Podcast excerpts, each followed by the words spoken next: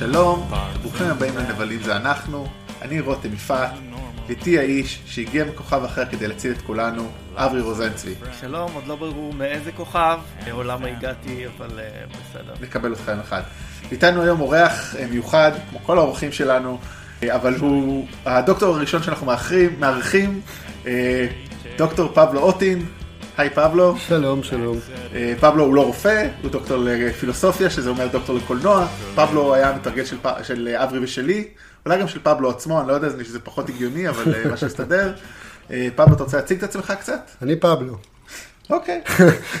אני, אני פבלו, אני חובב DC ואוהב את הסרטים של סניידר, אז אה, נראה לי אני אהיה פה בעמדת מיעוט. כן. אנחנו חיפשנו בכל הגלובוס מישהו ש- ש- שיגן על הסרטים האלה, ומצאנו ו- האמת- ורגע, ואני חייב, להגיד שאני לא, סתם אני, מי שיעשה קצת גוגל לפבלו סופרמן, שזה החלום שלי שיעשו גוגל פבלו סופרמן, אה, לא, אבל פרסמתי את המאמרים בסריטה אה, שכתבתי בזמנו שם, אז יש לי טקסטים, אה, טקסטים ארוכים, ארוכים מאוד וחופרים מאוד על סופרמן, ולמה הסרטים של סניידר טובים, ובטמן נגד סופרמן, ו... אז מי שרוצה או רוצה להרחיב, אז... אה, אנחנו גם נשים לינקים כמובן, למרות שגוגל מוצא את זה בקלות. אה, דרך אגב, באמת, צחוק כאילו בצד, בצד, באמת, אה, ואני גם מלמד קורס על גיבורי על בקולנוע אה, כבר שנה שנייה. בשנקר ובבית בר. אז אה, מי שרוצה לעשות תואר, כדאי לעשות שם, כי פבלו מלמד קורסים מגניבים, ופבלו אחלה מוצא, אה, גם על דברים אחרים, והאמת לא, אבל ברצינות כאילו, שכשעשינו את הרשימה על כל הפרקים ומה נעשה, אמרנו, כמובן, מתישהו נדבר על DC, אפילו לא חשבתי פעמיים שמישהו הולך לי- לבוא לדבר על DC זה פבלו, כי באמת אני לא מכיר הרבה אנשים שבאמת אוהבים, עזוב כאילו, בסדר, אנחנו חושבים שזה גרוע, פבלו ממש אוהב ומנתח ותקראו את זה ואתם תראו את זה היום. דבר אחד אני אתן אזהרה קצת, כמי שמכיר את הפודקאסט הזה יום או יומיים, יודע שאברי ואני מדברים הרבה. אני מכיר את פבלו יום או יומיים, גם פבלו מדבר הרבה, אז יכול להיות שזה פרק קצת ארוך. לא, אבל אני אני עברתי שינוי בחיים. כן, אוקיי. אז אני מוכן להתערב על זה שזה לא יקרה, אבל בסדר. אז אה, טוב, אז אנחנו באמת נדבר, נתרכז בעיקר אה, על השלושת הסרטים בעצם של DC שיצר זאק סניידר. א', הסיבה לזה כי אה, השבוע או שבוע הבא, לא תלוי מתי הפרק הזה יעלה, יוצא אקוואמן, שהוא חלק מה-DC יוניברס. אה, הבנתי שהוא דלף ל- לאינטרנט בגרסה בלי כל האפקטים הגמורים או משהו כזה, ואנשים ראו ואהבו את הגרסה. וואו. אומרים שזה סרט טוב. אומרים שזה טוב באמת, הביקורות אומרות, הם כבר רוצים לעשות אה, גרסה, כבר יש אה, sequel כאילו בדרך, זה כבר קורה. כי בקרוב אה, היה נראה נורא. חשבתי שיהיה הסרט הדיס הראשון שאני לא אוהב, חוץ מיחידת המתאבדים כמובן. אה. כן, אני, טוב, אני, מתישהו אני צריך להגיע חושב אליו. שאולי אני אעדיף אותו בגרסה בלי האפקטים, בגלל שה-CGI הזה של מתחת למים נראה נורא, אז אולי אני אחפש את הגרסה המודלפת. כן.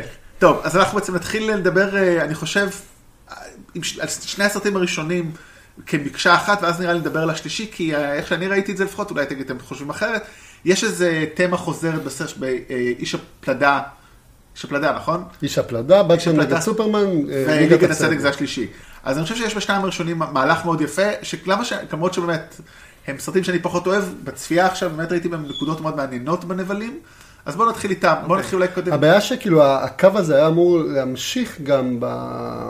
בסרט השלישי, וגם כבר בסרט השני הוא נפגע בגלל כל האילוצים האלה של להכניס את כל הדמויות, אבל בסרט השלישי אה, בסופו של דבר הוא עבר לווידון, וגם עשו, כי גם בגרסה השלישית, אני רק אקדים, אנחנו נדבר גם על סופרמן בתור נבל, אני, אני חושב שזה אחד העקרונות המרכזיים והנורא מעניינים, שכבר באיש הפלדה נמצא, ולא... לא רק בזה, ו- ובשלישי כל הקטעים של סופרמן היה אמור להיות באופן מאוד ברור, נבל, אה, ירדו. אוקיי. ו- ואני חושב שבאמת הרג, הרגע של ליגת הצדק זה הרגע שסופרמן נלחם בכולם והוא מסתכל בפלאש כזה בזווית העין. אבל כן. אז נגיע לזה נגיע באמת לזה. אה, בסוף, אז בואו נתחיל עם הסרט הראשון אה, משנת 2014, נכון? 13. 2013. הסרט הראשון משנת 2013, אותו כמובן ביים אה, זאק סניידר, הפיק אותו כריסטופר נולן, שגם משתתף בכתיבה. שגם משתתף בכתיבה, יחד עם דיוויד אס גויר. דויד אס גויר.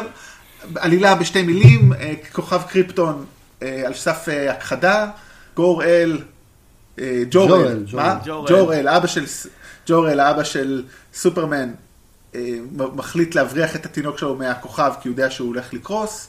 התינוק הראשון שנולד בצורה טבעית ולא בצורה מדעית כלשהי, שכל אחד יקבל את התפקיד שלו, הוא הראשון שנולד עם איזשהו חופש בחירה במה להיות.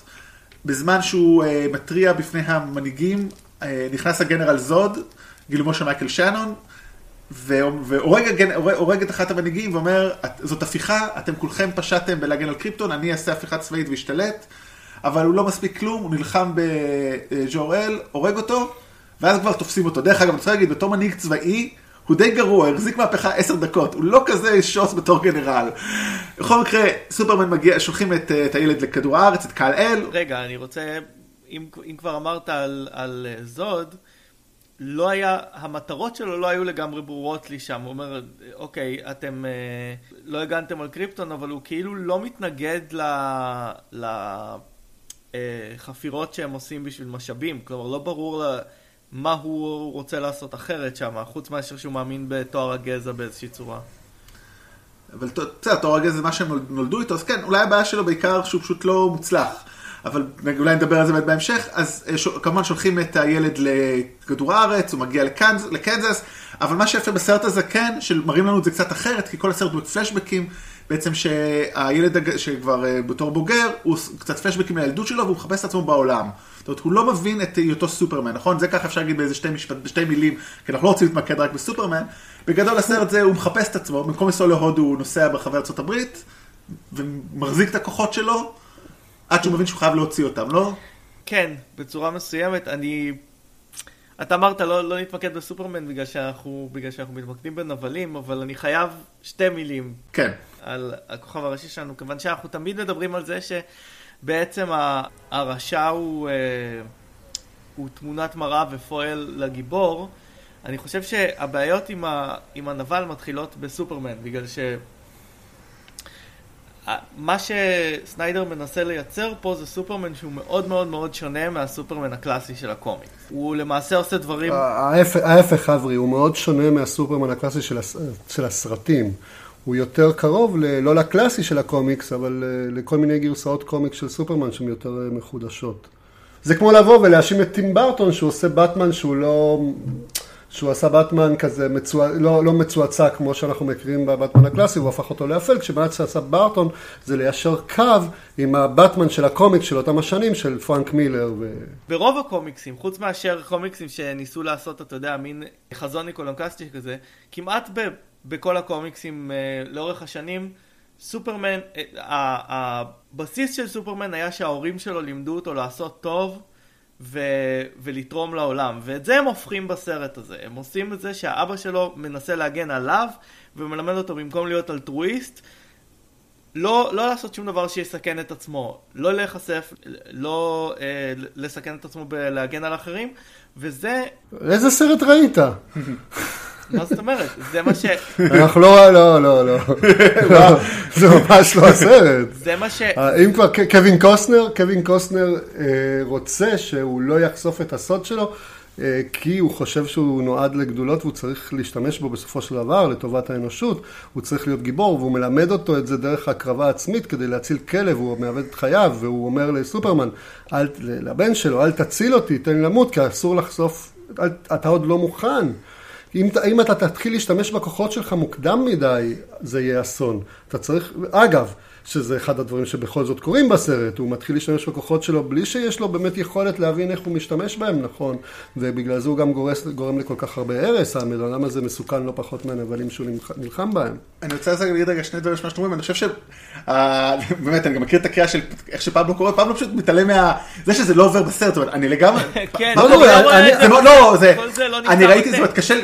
לא בקטע, לא, זה בטקסט, זה פשוט בצורה מאוד מגושמת, זאת אומרת, זה זה הבעיה, אני חושב, ביצירה של סדר, אני לא רוצה להיכנס לזה, כי... זאת אומרת, זה שם לא לגמרי. יודע, אני רואה את זה, זה לא. שאתם לא רואים את זה, זה לא אומר שזה לא נמצא. לא, אני חושב כאילו. שהוא, בגלל זה, אתה יודע, שוב, אני לא... אולי זה אומר משהו על חוסר יכולת לראות, לא יודע. נכון, לא, כי זה לא, דורש עבודה, אני חושב שזה דורש מאמץ, אני חושב שיש משהו בכל איזה של סטייל, זאת אומרת, אני חושב, ש- אבל אבל רגע, אני רוצה לחזור לדבר ראשון שאתה אמרת, אברי, איפה הוא רגע, כן לא, לא, מלמד אותו להיות גיבור? אני לא רואה שום מקום שבו הוא מלמד אותו להיות גיבור. הוא- אני אני מסכים עם פבלו, הוא מלמד אותו שאתה צריך ל- ל- לעשות את זה בזמן הנכון ובמקום הנכון, אבל איפה הוא מלמד אותו מה צריך לעשות? אוקיי, במקום הנכון אבל איך הוא מראה לו מה כן לעשות? הוא לא, הוא עושה את הדבר הכי נראה לי הגיוני לעשות בתור מורה, זה לתת לו את הכלים, איפה הוא צריך הכלים? להבין את זה לבד והוא מבין בסוף, הוא עושה את זה בסוף, זה היופי אני חושב, זה בדיוק היופי שהוא מגיע לזה. אני, אבל רגע, אבל זהו, אני אפילו לא רוצה להגיב על מה שאמרת שזה זה לא הסופרמן שאנחנו מכירים, כי אתה יודע, אתה מכיר אותי, לא מעניין אותי מה יש בקומיקס, זה כאילו, יש פה גרסה שהיא מעניינת, ואני חושב שפשוט, באמת, שוב, כן, נראה לי שזה הנקודה גם, לא, לא משנה אם זה הסופרמן הקלאסי, קומיקס, לא קומיקס, יש פה, למרות שמשנה כי, כי בכל זאת זה ז'אנר שמתכתב עם כן, אבל כמו שאתה אומר, זה זה מתכתב עם קומיקס אבל ספציפי. אז האם הסרט. בעצמו, כן. אז, אה, אבל אני, אוקיי, אני לא רוצה להיכנס לדיון הזה, באמת, כי זה יכול להיות דיון ארוך, אבל כאילו, יש לנו פה באמת בעיה שאנחנו קצת רואים את הסרט אחרת, אז זה יהיה מאתגר, אבל אני חושב שכשנגיע לזוד זה דווקא פחות ישפיע. אז אה, אני חושב. אז אבל בוא, התחלת להגיד משהו מעניין, אה, אברי, על השיקוף של הגיבור, כן. ונבל כ- כצד האפל של הגיבור, או הגיבור בתור עיוות. אז בוא רגע, אני רוצה רק. להגיד אולי בוא כן נסכים עם זה שבין אם זה, זאת אומרת, בין אם אנחנו, אתה רואה את זה או לא, אברי, ברור שיש פה ניסיון לתת לסופרמן למצוא את עצמו, כי זה מה שהוא עובר שם תהליך. בוא, בוא נצא רגע מהמקום של אבא שלו שם, הרי מה שהוא עובר בסרט זה למצוא את עצמו, נכון? זאת אומרת, הוא עושה את זה בשלב ראשון עד שמגיע זוד, ושלב שני מה שזוד מעביר אותו.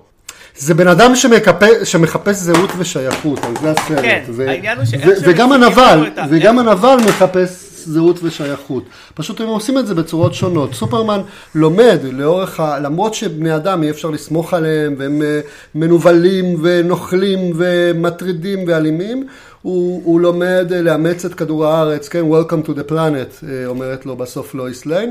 לעומת זאת, זוד מנסה לשנות את כדור הארץ, להפוך אותו למשהו שהוא דימוי של איך הוא היה רוצה שהוא ייראה.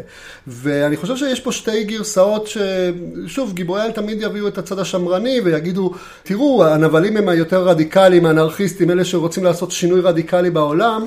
והם נתפסים כמאוד קיצוניים, טרוריסטים ומה שלא יהיה.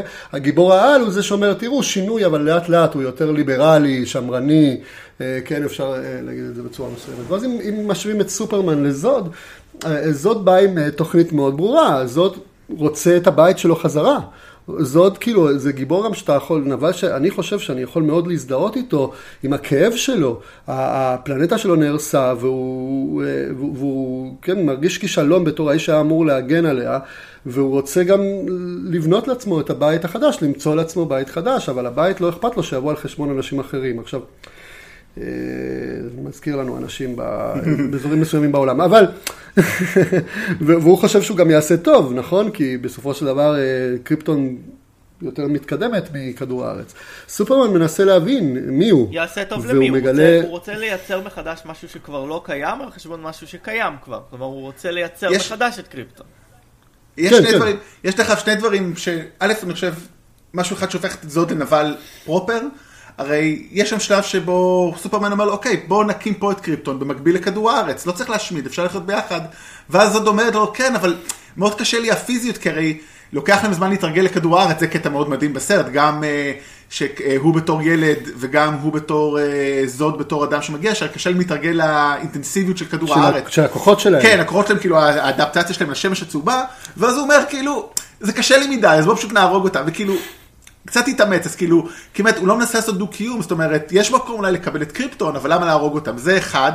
אבל מה שבאמת מעניין בזאת בסופו של דבר, זאת אומרת, כי אם אנחנו אומרים, סופרמן הוא דמות שמחפשת את עצמו, ופעם אחת זה עד שמגיע זאת, ופעם שנייה זה העימות של זאת, זה, אני חושב יהיה העיקר פה שתכף נדבר עליו.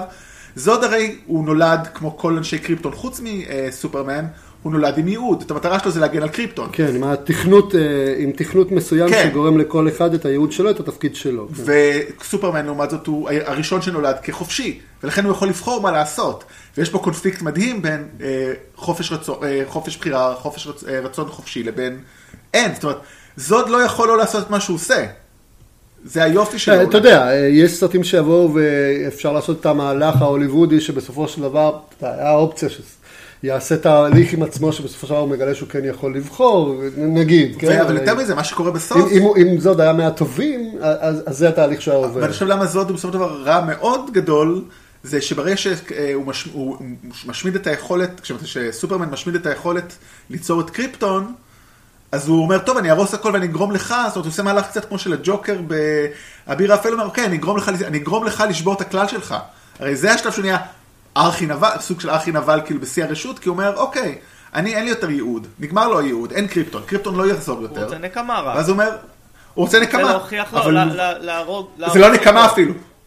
בדיוק, הוא רוצה להרוס את האישיות שלו, זאת אומרת, זה לא נקמה, הוא לא הולך והולך ומוצא את אימא שלו, את לואיס ליין, או... כן, כן. אלא הוא הרי, הוא, זאת אומרת, אפילו גם לא הורג, הוא הורג אנשים רק ככלי כדי לגרום לו להרוג אותו. הוא כאילו אומר לו, אז- וזה היופי בו איפשהו. אני חושב שאתה כאילו, אתה לא רצית להתדיין על ההורים של סופרמן, אבל אני חושב שהעניין של המשפחה פה, הוא הסיבה שבעיניי יש פה, יש אה, בלבול ויש חוסר אה, פוקוס של זוד, כי ההבדל בין, בעצם, לב- בין, אה, בין זוד לבין סופרמן, זה שסופרמן, היו לו אה, הורים שאהבו אותו בקריפטון, ואז היו לו הורים שאהבו אותו בכדור הארץ, ובעצם האלמנט המשפחה הזה, הוא מה שהופך אותו למה שהוא. לזוד לא הייתה משפחה, הוא מנסה ליצור משהו, אבל בעצם ה... כן, מה, מה הסיפור הביוגרפי בעצם של זוד? אין לא- לו, זה- לא, אין לו סיפור גיאוגרפי, זה סיפור גיאוגרפי חדש שהוא רוצה, יש לו מטרה, אין לו משפחה. אתה מדבר איתי על דברים שלא נמצאים בסרט. לא, לא, אני מדבר רק על הסרט. אני מדבר רק על לא, הסרט. אתה אומר כאילו, לפי... אתה אומר, אתה אומר שאין לו, למה להיאחז כאילו, זה מה שאתה אומר אני חושב, אני לא? אומר ש... מה- שלפי מה- הסרט, איך אתה יודע לפי הסרט, משהו על ה- במבנה החברתי של קריפטון לא היה מקום למשפחה, כל אחד היה ב... באיזשהו... לא, לא, לא. כזה. לא, הם נולדים. היהודים פשוט, האלה. יש לך הורים, פשוט הם, הם הורים שהם, אה, פשוט הם שמים משהו בגנים שלך, בגנטים, כאילו, כדי לייעד אותך לתפקיד המסוים. השיוך של זוד היה צבאי. כן, כן, כי כל המשפחה שלו. אני חושב, אה, אברי, אני חושב שיותר ממשפחה מה שיש לו זה מטרה, זאת אומרת זה כמעט דומה. מה ההבדל, מה- איפה אתה רואה הבדל מבחינת מוטיבציה של דמות, אתה יודע, זאת אומרת, אתה מבין לאן אתה, מה אתה מתכוון? זה כן, עזוב, עזוב את הביוגרפיה, בואו נשאיר, כי הסרט לא מדבר על זה, זה סתם כאילו דיבור של פאנבויס, אבל, אה, אבל מה שאתה אומר הוא כן נכון בהקשר הזה שכן, סופרמן הוא, הוא יש לו את המשפחה האמריקאית ואת האהבה וזה, ולזוד יש את ה... את ה... איך קוראים לזה? את היחידה שלו. כן. במובן הזה. המשפחה שלו זה, ה, זה היחידה, השותפים לקרב, מה שנקרא, החיילים שלו. אה, ובמובן הזה אתה יכול להסתכל על המבנה ה, של החבורה של זוד כמבנה יותר, אה, קראת לזה קולחוז, בסדר, כאילו קיבוצי, לא יודע.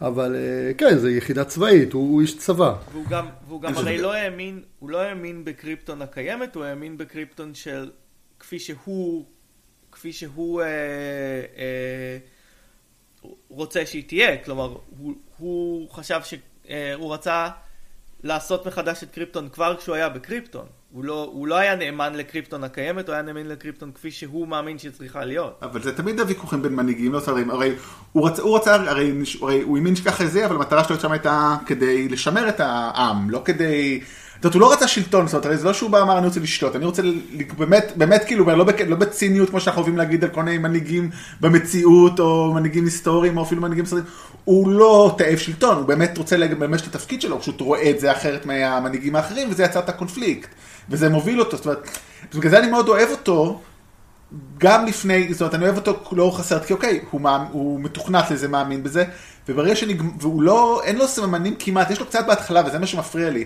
כשהוא נגיד בהתחלה נכנס, ממש כשרואים אותו זה, הרי הוא יורה באיזה אחת המנהיגות הפוליטיות, המדעיות, הוא הורג אותה בלי שום סיבה. הוא עוצר את האחרים והורג אותה. וזה כאילו קצת אוף קרקטר, כאילו למה? איפה ההיגיון בזה?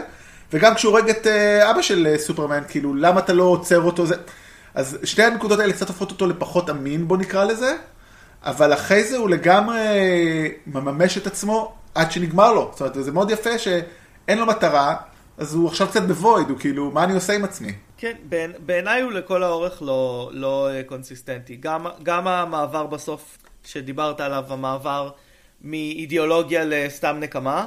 אבל למה? זה עובד מצוין כי לקחו לו את המת... אין לו אידיאולוגיה, אין, אין לו, הוא לא יכול לממש את האידיאולוגיה שלו דווקא, זה לא, זה מהיר מדי, אז אני חושב, זה, גם, זה אפילו לא מהיר מדי, כי זאת אומרת, אוקיי, זה הרי מאוד היה בינארי, זאת אומרת, הוא לא יכול יותר לעשות את מה שהוא עושה, אז אין לו משהו אחר לעשות. אתה יודע, זו נקמה, הוא עדיין אה, יצור תבוני ורגיש. אבל זה, לא, אבל זה לא הגיוני כשאתה חושב על זה. למה רק כדור הארץ? למה... יש משהו לא הגיוני בצורה שהוא פועל. יש מלא כוכבים ב, בעולם והוא מחליט אה, שהוא חייב לעשות את זה פה. לא יודע, אני, אני לא הבנתי מה את זאת אומרת? אה, זה דווקא מאוד ברור, אני חושב פבלו תקן אותי כי ראית את זה יותר, הרי, הרי יש להם את כל המשלחות שהם עשו לכל מיני ארצות, וזו הארץ, היח- ה- הפלנט היחידה שיש בה תנאים טובים. למה הם שולחים את סופרמן, את, סופ, את, אה, את סופרמן, נדבקתי ממך בסופרמן. אה, וגם- סופ, שולחים- סופרמן. כן, פבלו, דרך אגב, אם השם לא ברור, פבלו הוא ארגנטינאי. אז... לא דווקא יש. יש, זה דווקא סיבה מאוד הגיונית למה לשם, כי אין משהו אחר. אתה יודע, כמו, כמו עולם המאדים, כי זה המקום היחידי עם תנאים דומים. ובאמת, ובאמת מה שאתה אמרת, שהוא אומר זה קשה לי מדי אז מיד אני אשמיד. אני גם לא רואה איך זה consistent־י עם ה... אבל אוקיי. אברי, אתה, אתה אוהב מאוד את המילה consistent־י, אבל אתה לא, אתה לא consistent־י. consistent־י בזה, אבל זה לא, זה לא באמת עובד, כאילו, זה, דווקא יש פה כתיבה, אתה יודע, קצת כבוד לתסריטאים, הם באמת כאילו השקיעו וחשבו על דמות, והיא פועלת מאוד בהיגיון, היא יכולה להיות פלקטית, אבל אני לא חושב שהבעיה של זו היא קונסיסטנטיות. אני חושב שאולי. זאת הבעיה שאין לי כבוד לתסריטאים, זה ההבדל בינינו, בעיניי הם עושים עבודה מאוד גרועה. אבל בוא אבל נתקדם. פבלו, בוא נשאל, אני רגע, לא, אני לא רוצה להתקדם, אני רוצה דווקא לשאול אותך, אם היית צריך כן רגע לראות מה הפגמים בזוד, היית יכול לראות, זאת אומרת, תראה, אני, אני מודה שאני המון זמן לא ראיתי את הסרט והייתי, רציתי לראות אותו שוב לפני זה. אה, אני זוכר שלא התלהבתי כל כך דווקא מזוד כש, כשראיתי אוקיי. את הסרט. הוא לא, לא חשבתי שהוא נבל אה, מספיק ראוי.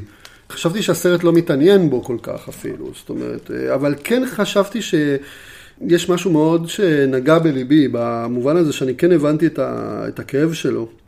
כן הבנתי את הדבר הזה שיש לו משהו אחד לעשות בחיים והדבר הזה נהרס והוא הוא אבוד, כאילו, אבל כן, כאילו מבחינת אה, כל האופן שבו הוא עושה את הדברים, יש משהו קצת, אה, הוא לא, אני מסכים איתך, הוא לא מרגיש כמו מישהו, איזה אסטרטג כזה גדול כמו שהוא אמור להיות, כי אחד הדברים שאמור להיות זאת זה באמת, כי הוא גנרל, הוא אסטרטג, הוא יודע, צריך לתכנן את כל הדברים וזה, ובסופו של דבר הוא לא... הוא, יש משהו שהוא של פעולה ישירה ולא לא מספיק... הוא אה, הגיע לשם כי, כאילו, כי, כי הוא מיועד לזה ולא בהכרח כי הוא הכי טוב. זאת הבעיה בגנטיקה מראש. אבל באמת אני רוצה רגע, האמת דבר אחד כן לדבר עליו, ודווקא נראה לי פה אולי כן יותר נסכים, אני מקווה, או לפחות יהיה דיון יותר זה. איך הוא משפיע על סופרמן באמת, אז כי קצת דיברנו על זה, אבל בואו רגע נפקד כן, בוא את זה, נתמקד. איך הוא כאילו באמת העימות, כי זה בטח החלק המעניין של הסרט, ואולי משהו פה מעניין קולנועית או תסריטאית, שזה לא רואים בהרבה סרטים, הרי הסרט הוא כמעט שעתיים ועשרים נגיד, או שעתיים ומשהו, זוד מופיע בתור האנטגוניסט רק אחרי שעה ומשהו. זאת אומרת, אחרי אה, כל ההתפתחות של סופרמן וזה, רק בסוף הוא מגיע, ושם הוא מתחיל באמת לעב- לעבור את השלב השני של כן, אה, האנטגוניסטים של סופרמן לאורך כל הסרט אה, הם בני אדם. אה, הם בני אדם. הוא מפחד מבני אדם, הוא שונא בני אדם, הוא אוהב ומנסה להציל אותם, יש לו מערכת יחסים נורא מורכבת עם, עם האנושות כ, כמושג. ו, ואתה יודע, זה, זה מתחיל עם, עם ההופעה שלו גם, שהוא, ואז כאילו הוא בעצמו נראה כמו סוג של נבל ש, שלא ברור מה, מה קורה. הרי יש לו את התגובה המוגזמת הזאת לאיש בבר שמטריד את המלצרית. אה, ו- ואז אתה רואה כמה בני אדם אה, זבל, ואז אה, הוא, מה העונש שהוא נותן לו, הוא תולה לו את המשאית בצורה כן. מאוד מוגזמת, ואתה אומר, רגע, בן אדם הזה הגזים כרגע, כאילו, ברור שזה מגיע לו, אבל מגיע לו כזה, כאילו, כל תגובה של סופרמן גם היא נורא נורא מוגזמת, או אפילו לקראת הסוף, שהוא מפיל satellite שעוקב אחריו, כאילו, הוא הורס מיליוני, ביליוני דולרים, לא יודע מה, תוציא שם את הצ'ופצ'יק וזהו, מה אתה... כן, כאילו, יש לו, יש לו, לסופרמן של סניידר יש אה, נטייה ל- לשואו, כן, הוא דרג קווין, הוא, הוא, הוא, הוא כאילו דרמה קווין, הוא כאילו מין, מכל דבר, הוא עושה איזה מופע מרהיב ומאיים, הוא, במובן הזה הוא אל, כן, זה, זה, זה גם העניין. אבל, אבל זה קצת מפחיד, כן? כדי להציל את העיר הוא הורס אותה, כדי uh, ל- ל- לתפוס נבל הוא צריך להרוג אותו, כאילו הכוחות שלו מוגזמים, לכן כאילו המשיכה הטבעית שלו, לה- ההמשך הטבעי לבטמן נגד סופרמן, כשהוא אשכרה מופיע בתור נבל בעיני באטמן. שזה בעיניי, התגובות המוגזמות האלה זה בדיוק בעיניי השיקוף לזה שאין לו בסיס מוסרי איתן שהוא היה אמור לקבל מההורים שלו. הם לימדו אותו לפחד מהאנושות. זה, זה דבר שהוא למד. אבל זה לא לסמוך על, על בני אדם, כן, הוא, הוא מתייעץ עם הכומר אז, והוא אומר לו, אני לא יודע אם אני רוצה להציל את, אני, אני, הוא מתלבט, כי הוא, הוא, הוא אומר, אבא שלי, דווקא קווין קוסנר, אה, אמר לי, אני צריך לעזור לבני אדם, כי הכוחות האלה אני יכול לעשות דברים מדהימים, ובאמת לעשות טוב בעולם. אבל אני מסתכל על מה שקורה מסביב, ומה קרה? ילדים אה, בולינג, אה, אה, גברים מטרידים נשים, אה, לא יודע, כל, כל מיני דברים נוראים קורים מסביב. למה שאני אציל את האנושות הזאת? כאילו, זה השאלה המרכזית, גם אגב, וונדר וומן שואלת את עצמה את אותה השאלה אה, ב- ב- בסרט, כן? אה, ו, ובסוף הנבל, איך קוראים לו? אה, וואי. ארס. אה, אומר לה, למה, למה, למה הם לא ראויים לך, הם לא ראויים לכך שתצילי אותם, תראי כמה רוע הם מייצרים, תראי, עוד לא נאציזם אפילו, כן? וכבר רואים את כל הדברים הנוראים שהאנושות עושה, ואני חושב שזה כאילו אחת השאלות המעניינות ששואלים אה, סרטי DC, שזה משהו שמרוויל, אני לא מצליח לזכור אם שואלים או לא, אה, זה מה זה כל הגיבורי על, והאם האנושות שווה הצלה, כן? האם גיבורי על, אנחנו ראויים לגיבורי על האלה שיבואו, האם, האם אנחנו צריכים להציל את האנושות או לתת לה להיכחד? כן, אז בסוף מוצאים כל מיני סיבות כאלה שאפשר לדבר עליהן או לא, אבל, אבל בהרבה מובנים אה, הנבל המרכזי בסרטים האלה הם האנושות כהוויה, האנושות כמושג, כן, בני אדם לא ספציפיים אלא האנושות, והוא אומר זה, כשזאד בא ואומר אנחנו צריכים להרוס את האנושות, שמע, אז זה, זה, זה משהו שאולי בפנים אצל סופרמן זה גם קיים במידה זו או אחרת, כן, הוא אומר למה? אני צריך לעזור להם, אולי צריך להשמיד אותם כי הם כל כך גרועים אחד לשני ורק להציל את הטובים או whatever, כן? יש, יש פער מאוד גדול אני חושב בין לא להציל לבין להשמיד. לגמרי, זה מה שמפעיל את סופר, זה מה שמפעיל את סופרמן, כן. זה מה שמפעיל אותו. זה יופי, מה שאמרת פבלו מאוד מעניין, כאילו שאתה אומר, זה שכאילו כל האנשים היו אנטגוניסטים, אבל שהוא ממשיך את אותו קו, גם כאילו מול זאת, זה מאוד מעניין. שבאמת כאילו שהוא, אוקיי, הוא עושה את זה, אבל הוא עושה את זה כאילו גם בהגזמה, וזה גם מה שמביא אחר כך עליו את בטמן, אז באמת בוא נעבור לסרט הבא, שבעצם... רגע, כבר? אה, אוקיי, בסדר. יש לך עוד מה להגיד, אז אני חושב שנחזור על זה בנקודות, כי באמת... כן, אפשר לחזור. כן, אני חושב שה...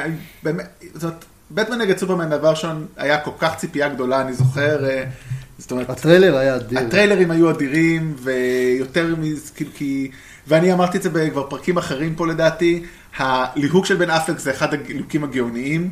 כי בניגוד לזה שהוא גילם בזמנו דר דביל, שזה הדמות שהוא הכי לא יכול לגלם אי פעם, כי הוא כל כך מלא בעצמו, וזה בדיוק הפוך ממט מרדוק, הוא תפור לברוס וויין, ואני חושב שהוא עושה תפקיד מצוין.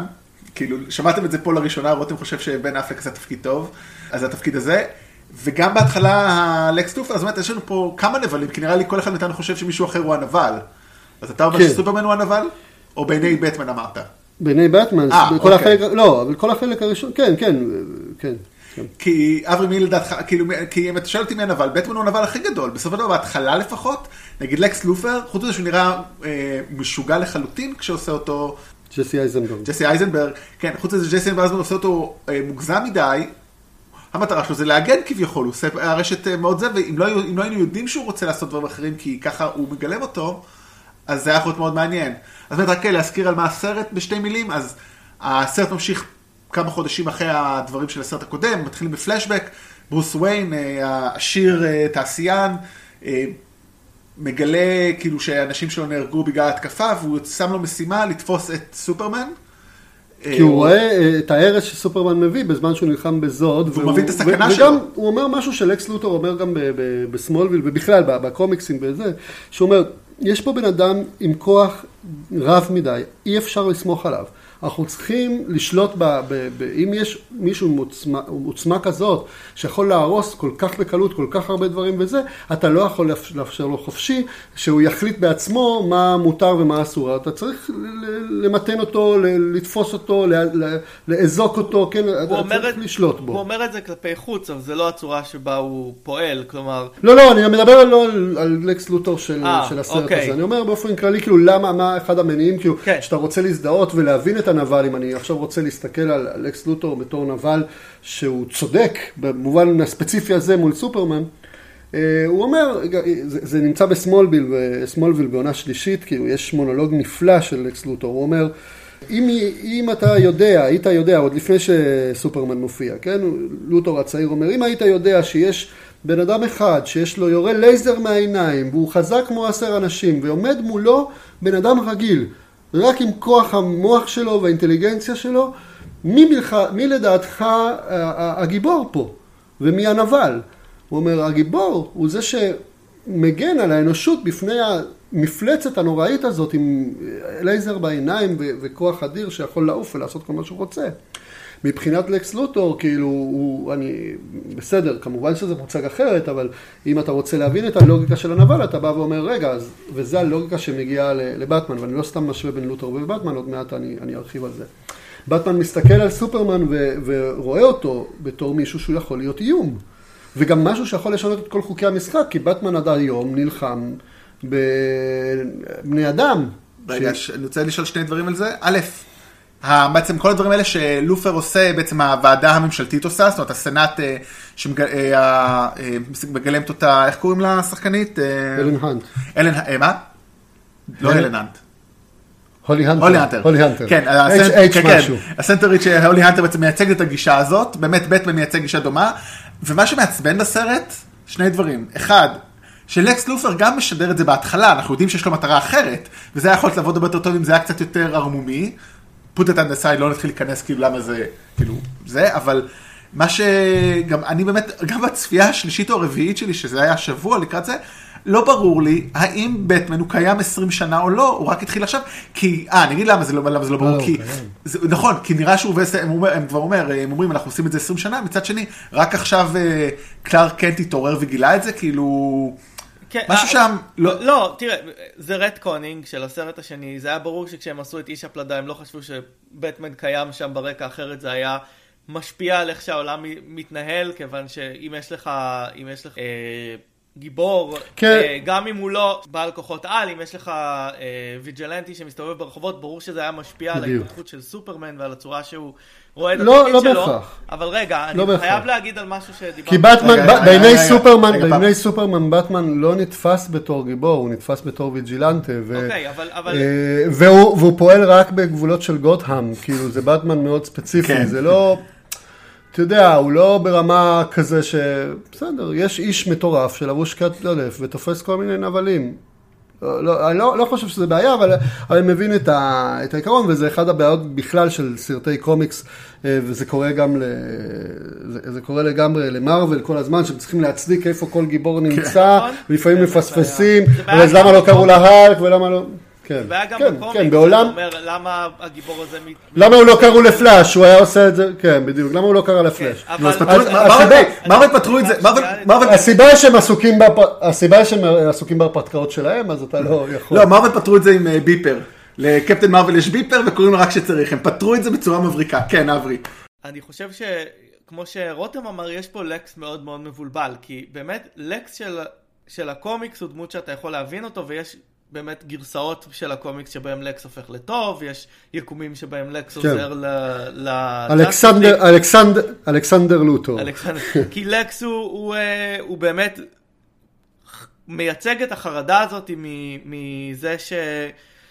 הרי הרבה פעמים מדברים על זה שעולם של גיבורי על, יש לו נטייה לפשיזם בגלל שיש לך מישהו שבגלל שהוא כל כך חזק, יש לו את היכולת להחליט מה טוב ומה רע ובמה הוא רוצה לטפל, ושבאמת זה משהו שהסרט מנסה להתמודד איתו, בעיניי לא, לא באמת בהצלחה, אבל לוטור של הסרט לא ברור למה הוא פועל, רואים שהוא משוגע, הפתרון שלו על איך להתמודד עם הכוח הבלתי מוגבל של סופרמן זה להוציא מפלצת אה, שהוא לא יכול להשתלט עליה גם עם כוחות בלתי מוגבלים, כלומר הגברת שבלעה אה, בלעה זבוב ואחר כך בלעה עכבר כדי לאכול את הזבוב, כלומר אין שום רעיון סדור של מה שהוא רוצה לעשות כדי להתמודד עם האיום הזה. האמת שכן, הוא, הוא נבל די מעצבן, כאילו לוטור, הם לא הצליחו להביא את לוטור לקולנוע כמו שצריך. אה, ג'ין הקמן היה הכי קרוב, אבל באמת אה, גם, איך קוראים לו, החשוד המיידי, היה נוראי, השם המיידי כבר, הוא כבר השם. כן. אבל, באמת, אבל מה שיפה, יש פה משהו... אבל, אבל יש רגע כן יפה של לוטור, דווקא כשלוטור לא מופיע, אה, כשהוא מפוצץ את בית המשפט. Mm. ואז אתה מבין את, ה, את העוצמות שיכולות להיות ללוטור, כאילו, אבל כן.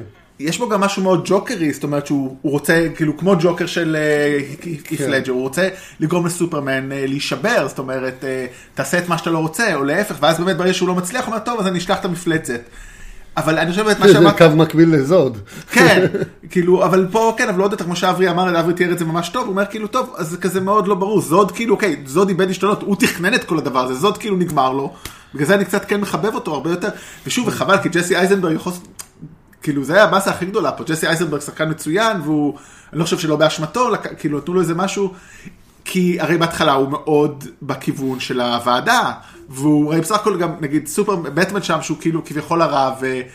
אבל דרך אגב, אולי איך אחרת, מה מפריע, כאילו כשאתה אומר שסופרמן הוא הרע, ובעיני בטמן, אני אומר, למה מפריע גם לסופרמן שבטמן עושה את מה שהוא עושה? זאת השאלה כאילו גם טובה, שחשבתי עליה בצפייה הזאת. הרי, הרי בזמן שבטמן. מפתח אובססיה סלש נקמה לסופרמן, סופרמן מפתח איזושהי אובססיה לבטמן, והרי כשהוא תופס אותו אומר לו, פעם באה אני אשבור אותך וזה, מה מפריע לך שיש ויג'לנטי שעושה דברים? אוקיי, הוא קצת מגזים, הוא מטביע על אנשים חותמת והוא קצת משוגע. אבל בוא, תן לו כאילו, תחלק את הכוח, כאילו, למה אתה צריך להיות... כל אחד מהם כל כך לא רוצה שמישהו אחר יעשה את העבודה שלהם, כל כך מפחדים. כדי, כי התסריטאים רצו קונפליקט. כן, אבל זה קונפליקט מעניין, אני חושב שזה קונפליקט, זה קונפליקט טוב. לא, באמת, אני אומר, הם עשו שסופרמן שונא את בטמן, כי הם היו צריכים קונפליקט. אבל זה קונפליקט מאוד טוב. לא, זאת לא, אומרת, למה? זה מאוד הגיוני, כאילו. באמת, אני הרי, ה- אין לעשות, אנחנו כאילו, בוא נזכיר לרגע את הדבר באמת הכי, הכי גרוע בסרט הזה, הקטע של מרתה. כן, זה זה- באמת, זה בסדר, זה קיים, אבל חוץ מזה, אני אומר, באמת, יש את זה, אבל חוץ מזה יש שם הרבה דברים יפים, באמת, העובדה שאף אחד שם לא טוב, הקטע עם מרתה הוא, הוא, הוא כתיבה מאוד רשלנית, כן. אבל מה שעומד מאחורי זה, זה רעיון מאוד יפה. זה, אבל זה דרך אגב, זה אני חושב מה שבעיה שלי עם הסרט בהרבה, עם הסרט כן. הזה עוד יותר מהקודם, הבעיה- הרבה רעיונות יפים, שהם, סנייד, סניידר הוא כמו סופרמן, יש לו את ה... כן, כן, יש לו את הנטייה לבומבסטיות, ל- לקחת אה, זבוב ולנפח אותו כאילו זה משהו מטורף, איזה פארק היורה, אבל... אה, ו- ואז, ואז אין מקום לניואנסים ולעדינות, וברגע שאתה רוצה להעביר משהו בצורה של ניואנס, הוא מפוצץ את זה, כי אין לו, כאילו, "אה, כאילו- this is ספרטה, אתה יודע, אין לך פה משהו... אז בגלל זה הוא, הוא, הוא זוהר כשהוא, כשהוא עוסק בדמויות כמו סופרמן או, או, או 300, הוא לדעתי הוא, הוא ממש טוב בזה, אבל ברגע שהוא היה צריך לעשות את הדרמה, תראה, מה שעומד מאחורי הרעיון הזה זה שבטמן מבין שסופרמן אנושי. לגמרי. הכל, יש לו אימא. יש לו אימא כמוני. הוא סופרמן אנושי. וזו פעם ראשונה שבטמן מצליח לראות את האנושיות של סופרמן, ובגלל זה הם, הם יכולים להתחבר. עכשיו, נכון, זה, זה נקודה מדהימה, פשוט מגוחך. כאילו היא ככה, היא קורית ככה שצריכה להיות הרבה יותר מובנית וזה, אבל בסדר. כאילו דווקא באמת, דווקא זה אבל לא משהו שמשפיע עלינו ל- לדיון שלנו על נבלים. אברי, אתה רצית להגיד משהו של- בהקשר לקומיקס. אמ, לא, זה קשור, זה קשור לנבלים, אבל כן. כן, כאילו זה קשור אבל תסריטאית יותר, זאת אומרת, כי באמת זה יופי שמחבר אותו, הופך אותם בדיוק מלא נבלים, כי זה ששניהם אנושיים, זאת אומרת, כן. פשוט זה כתוב, כן. מרתה אסייד. אני מאוד אוהב אה, לראות, אה, אם אנחנו ממשיכים לדבר על הנבלים גם בתור אה, ההפך מהגיבור, אז יש בה משהו מאוד מעניין, כן? כי הנבל של, הנבל המרכזי, נגיד, של באטמן הוא, הוא הג'וקר. ואם באטמן הוא אפל ורציני ו, והוא מייצג את הלוגיקה, את החשיבה הרציונלית, כן, הוא הדטקטיב, כן, הוא אז הג'וקר הוא הכאוס וההגזמה של השמחה. כן, זאת אומרת, הוא, הוא צוחק והוא, הוא, כי הוא, אם, אם באטמן דיכאוני ואפל, אז, אז הג'וקר יהיה, ה, כן, השמחה, אבל השמחה בצורה מוגזמת, וכמובן העניין הכאוטי. עכשיו, אבל, אבל גם סופרמן עובד בצ- בצורה הזאת מאוד מעניינת אה, אל מול באטמן, כי אם באטמן פועל בחושך, באפלה, בחושך, בלילה, סופרמן מקבל את הכוח שלו מאור היום, מהשמש, כן, גם סופרמן אופטימי לעומת, ותמים ונאיבי במובן מסוים, לעומת הבאטמן איפה אנחנו האפל. רואים את זה שהוא אופטימי או תמים או נאיבי? אתה לוקח את זה. מהקומיקס. לא, לא, לא, זה, זה כן, זה לא בסרט הזה, בהחלט. לא, זה מה שאני גם אוהב, ש, שהם לקחו... אגב, זה מה שקורה בסרט השלישי, שכל הזמן, זה קצת צרם לי, למרות שכאילו הצלחתי איכשהו להשלים עם זה, אבל שבסרט השלישי כל הזמן אומרים, אה, סופרמן הוא ה hope, ה hope, איזה hope? סופרמן היה כאילו משהו באמצע בין איום למושיע, זאת אומרת, היה, זה גם מה שהיה מורכב וכל כך יפה בסופרמן של סניידר, שהוא בא להציל, אבל חלק מהאנושות מפחדים ממנו פחד מוות, וכי הם יודעים למה הוא מסוגל, אז אתה לא, אתה, כן, היראה הזאת שהוא, שהוא מעורר, היא לא רק אה, תקווה, אלא גם יראה. עכשיו, אה, ובסרט השלישי כבר ניסו להרגיע את כל האופל, כי מה שבאופנה זה, זה שמחה וזה, אז שמו קומדיה, שמו זה, ושמו את מוזיקה. שהם פשוט, שמו או, אני, שהם פשוט כי הם ראו שהם לא מצליחים טוב עם האופל, אתה יודע, בוא, זה גם אופציה. אה, כן, בעיני הקהל, לא יודע, כן, אני, אני חושב. שאומנותית היה, הייתה הצלחה מאוד גדולה בסרט הראשון, הסרט השני נפגע, והסרט השלישי כבר מאוד נפגע, אבל מה שאני רוצה להגיד זה שיש איזשהו, קו מק- מקביל במובן הזה בין ג'וקר לבין, אה, לבין סופרמן, עם, עם הצד הכאילו שסופרמן אמור לייצג את ההופ ואת החיוביות ואת ה, את האור, ו, ו, ו, ו, ו, ויש איזשהו היגיון באופן שבו באטמן מול סופרמן לא מסתדרים ולא יכולים, אה, אה, בכל זאת הם, הם, הם שני צדדים של, של אותו המטבע אפשר להגיד. אה, ו, ו, וכך גם לותור וברוס וויין, כן, ששניהם, אה, יש קו, קווים מקבילים של אה, בן אדם עשיר, מולטי מיליונר, שמשתמש בכסף שלו כדי לקדם אינטרסים אישיים אה, ולהילחם ולעשות כל מיני דברים, לפתח נשק משל עצמו. כן, אז אוקיי, אז באטמן משתמש בזה כאילו לכאורה לטוב, לקס לוטור משתמש בזה כאילו לכאורה לרע, אבל בסופו של דבר הם, הם מאוד גם מקבילים, ויש משהו מעניין בשלישייה הזאת בהקשר הזה. אמ, אני חייב להגיד, אני סתם חושב על עצמי, כאילו, בתור החוויה שלי לסרט, אני חושב שהייתי חווה את הסרט אחרת, עם אותו, שוב, הקטע הזה של מרפל, הוא פשוט הוציא אותי כל כך מאיזון בצפייה הראשונה, כי ככל שאני צופה בסרטים יותר, אני באמת רואה קצת את העניין פה. שוב, יש לו גם עדיין הרבה בעיות חוץ מזה, אבל באמת יש פה משהו מאוד מעניין, בדיוק כמו שאתה אומר, השלישייה הזאת עם יחסים מאוד מעניינים, והם יכולים לעשות בזה הרבה יותר. אמ, במיוחד שכאילו ראינו שכל אחד תופס מקום של נבל בשלב כלשהו בסרט, ואז... כי גם דרך אגב סופרמן, כאילו חשוב להגיד, כמה שהוא כאילו כביכול, אני אומר, א', זה שהוא יוצא נגד בטמן כל הזמן, אבל גם כשהוא בא לדבר איתו כבר, כשהוא רוצה לדבר איתו על מרתה, כאילו כשהוא רוצה לדבר איתו על אה, בוא, תשמע, חטפו את אמא שלי, הוא לא נותן לו לדבר, הוא תוקף אותו, כאילו, הוא כל כך כבול בתוך זה, אז בטח זה... בטמן. מה? בט, לא, סופרמן גם, הרי הוא בא לדבר איתו, והוא לא מקשיב לו, אז הוא ישר דוחף אותו, כאילו, לא, דוד, אתה חזק יותר, בוא, תדבר איתו. וזה מאוד, זה מאוד באמת מראה שוב, זה האנושיות הרבה יותר, זה שהוא חמום, הוא כל כך מוטרף מזה שלקחו לו את האימא, ובצדק, שהוא יוצא מזה. ובאמת, אז כן. למרות שסופרמן פה הוא, הוא מצד אחד מוטרף, מצד שני הוא לחלוטין אה, אה, מפגין איפוק לכל אורך הדרך, בגלל שסופרמן יכול להרוג את בטמן בלי בעיה בשנייה. כן, אבל עד, זה גם עד, כמובן... עד הקל... השלב שבו הוא משיג את הקריפטונייט, לכל אורך הסרט סופרמן היה יכול להרוג את בטמן, הוא לא רוצה להרוג את בטמן. כן, כי זה טוב, זה הוא כמובן, הוא הרי... ראינו כשהוא הרג בן אדם בסרט הקודם, בן אדם, אל אחר בסרט הקודם זה היה לו קשה, אז בטח שהוא לא יעשה את זה עכשיו. אז הוא... והוא לא נאבק בזה אפילו, זאת אומרת זה ברור לו שהוא לא הורג, זאת אומרת זה אותו כלל שהג'וקר של, של נולן עושה לבטמן, שאומר לו הכלל היחידי שלך הוא לא להרוג אז תעשה אותו פה, ברור לו שהוא לא הולך להרוג אף אחד, זאת אומרת, it's not his thing. כאילו, וחוץ מבן אדם אחד, מה, את עצמו. אבל מה באמת בעיניכם העיקרון המייצג של סופרמן בסרט הזה? כי אני לא הצלחתי למצוא אותו. כלומר, מה הדבר שמוביל אותו? אני לא זוכר, מה כתבתי על זה? אה, וואו, אני לא, לא, לא הספקתי לקרוא לסרט הזה. אני חושב שמה שמנחה אותו זה, הרי הוא שם באיזושהי מטרה, זאת אומרת, הוא... אני חושב שיש לו זאת אומרת, מה, אוקיי, אם, אם ניקח באמת מה, הוא הגיבור של הסרט כביכול, דרך אגב, מי הגיבור של הסרט? כאילו שאלנו מי, אבל מי הגיבור, בטמן או סופרמן? אני חושב שהם חולקים את הגיבורות, אני חושב שהסרט... וונדר וומן.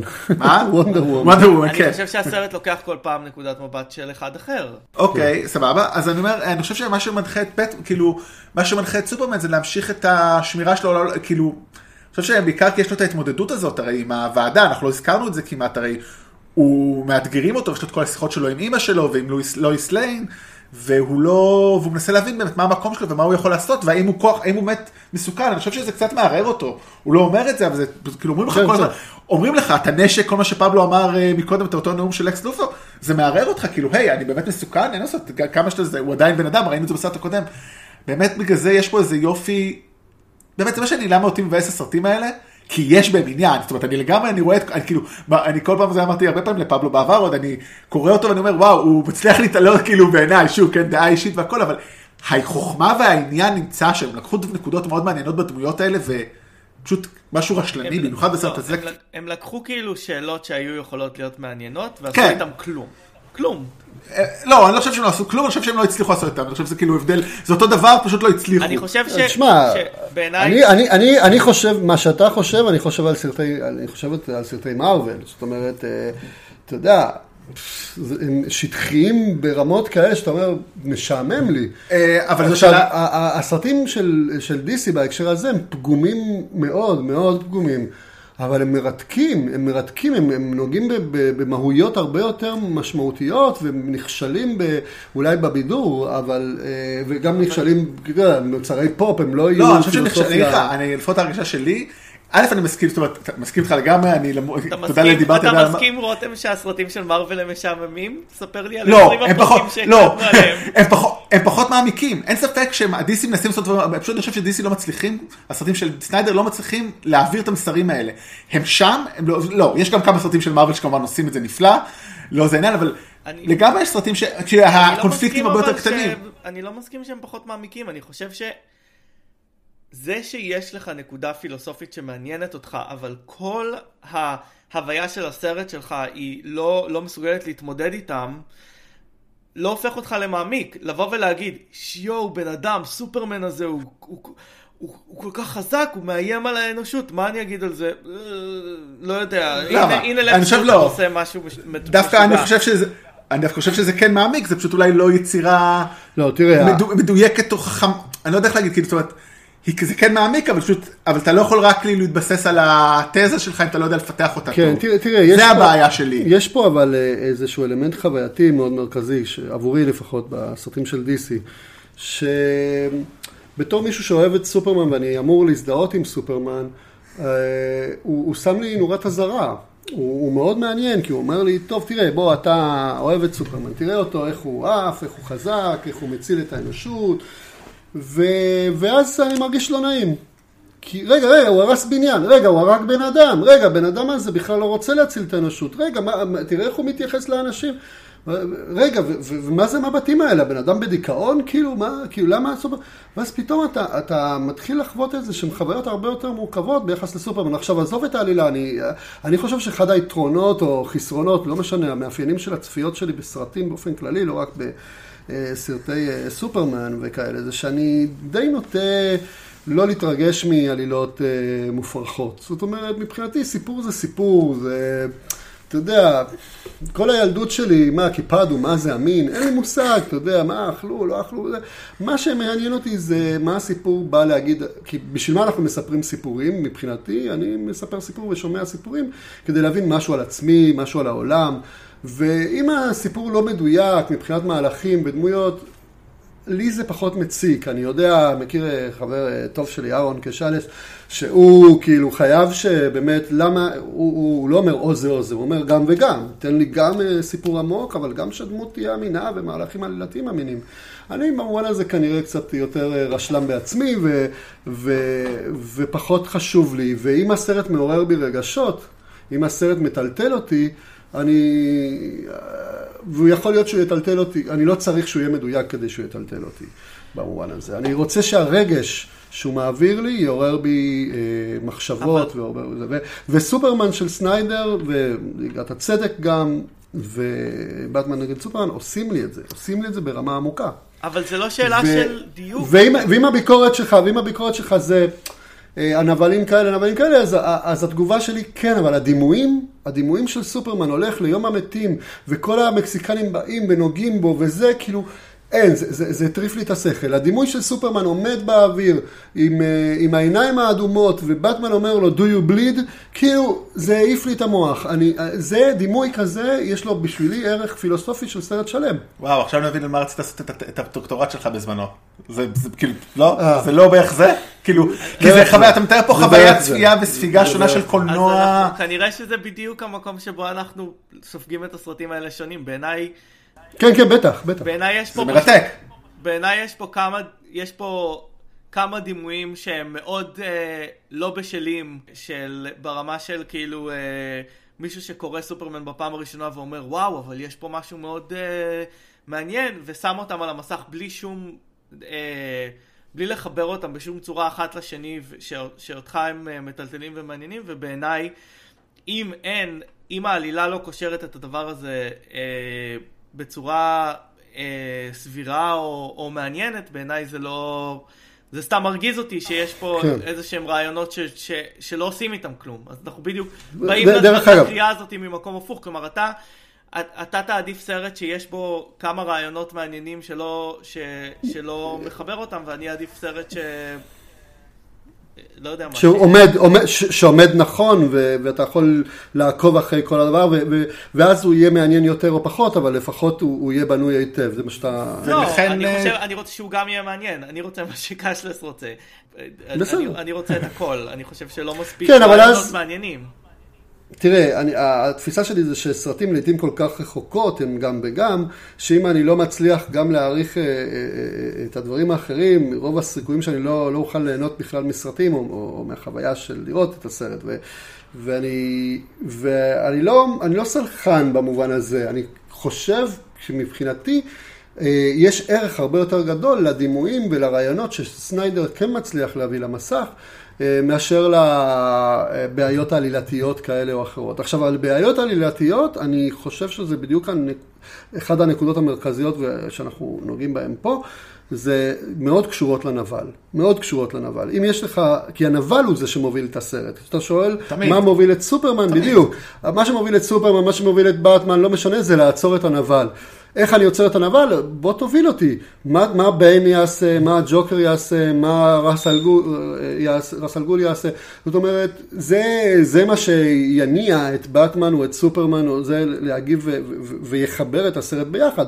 זאת אומרת, הגיבור, הכי קל זה לראות את זה באבנג'רס האחרון, כן, עם, אה, אה, נו, איך קוראים לו? ת'אנוס. עם ת'אנוס, זאת אומרת, הוא הגיבור של הסרט, אתה יודע, אתה גם קצת בעדו, וזה מה שיפה בנבלים האלה. או זה מה שיפה נגיד בג'וקר, שאין לו שום מטרה, אז קל לך לעקוב אחריו. כן. זאת אומרת, המטרה שלו זה פשוטה. אבל בוא נעבור לסרט, אז באמת, הסרט נגמר... וזהו, כן. ובהקשר הזה אני כן מסכים שמבחינה נרטיבית, אוקיי, אני כן חושב שאיך קוראים לו, זוד, יש לו מטרה מאוד ברורה, אבל הוא חד-ממדי, הוא מאוד חד-ממדי. כי הוא מוגדר ככה, זה מאוד יפה. אבל זה מוגדר ככה. אה, ואז העלילה היא חד-ממדית. אבל, ו, ובהקשר הזה סניידר וגויר מנסים לעשות, להיות מושתתים על איזשהו משהו מאוד חד-ממדי, ודרך החד-ממדיות הזאת לבנות את הרבדים דווקא של סופרמן. עכשיו, אני לא יודע, זה עובד, זה לא עובד, לי זה עבד, אותי זה ריתק, לראות את סופרמן עושה את כל מה שהוא עושה, זה, זה מאוד עניין אותי. אבל אני מודע לזה שהוא הוא, הוא עושה את זה על קו, כאילו, הוא מתהלך על קו עלילתי מאוד, לא דק. עבה במובן, אתה יודע, דק זה, זה מחמאה, כאילו, כוונתי רופף, אתה יודע, אה, קופץ מכל שעה, משהו, כאילו, לא, לא, לא באמת אה, זה. כן, המילה דק בסרט של סניידר, סרט של סניידר זה, זה לא, אין שום דבר דק בסרטים של סניידר. אה, ובבטמן נגד סופרמן זה עוד יותר גרוע. כי, כי שם בכלל, הנבל כזה, אתה אומר, מה הוא רוצה, מה, מה אלכס לוטור רוצה לעשות שם? הוא, הוא, עשו, הפכו אותו לסוג של ג'וקר באמת, כמו שאתה אומר, כשהוא בעצם לא לגמרי מתאים לדבר הזה, ולא לא, לא מצאו בדיוק... הוא... ג'וקר, וכמו שאברי אמר, אבל גם משוגע, שזה קצת מוציא מזה. כי כן. היופי בג'וקר שהוא לא היה משוגע, הוא היה נכון. straight all away, פה הוא באמת מטורף קצת. אני, רוצה... אני אוהב את לקס לוטור כשהוא קר. שהוא קר ו- והוא מחושב והוא כזה, אתה יודע, מנוכר והכל לוגי ולוגי ולוגי. זה, זה אלכס לוטור שאני אוהב אה, מאוד, ב- ש- שאתה יכול לעקוב אחרי הלוגיקה שלו ואחרי האופן שבו הוא, הוא חסר אנושיות לגמרי. ו- ו- ואלכס לוטור הזה היה סתם אה, פסיכי, כאילו, כאילו, כן.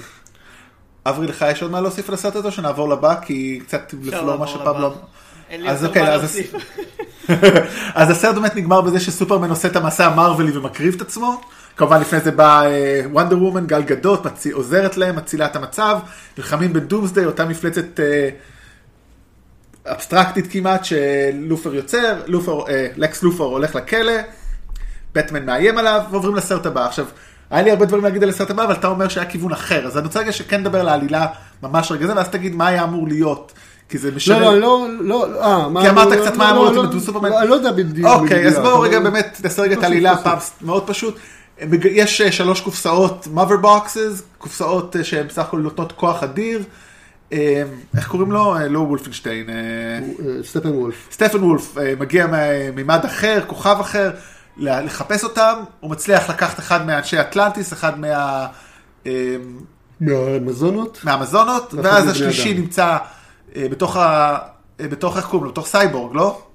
נכון? כאילו אצל, הג... אצל הדמות של סייבורג? לא, לא אצל בני אדם. אצל בני אדם, נכון?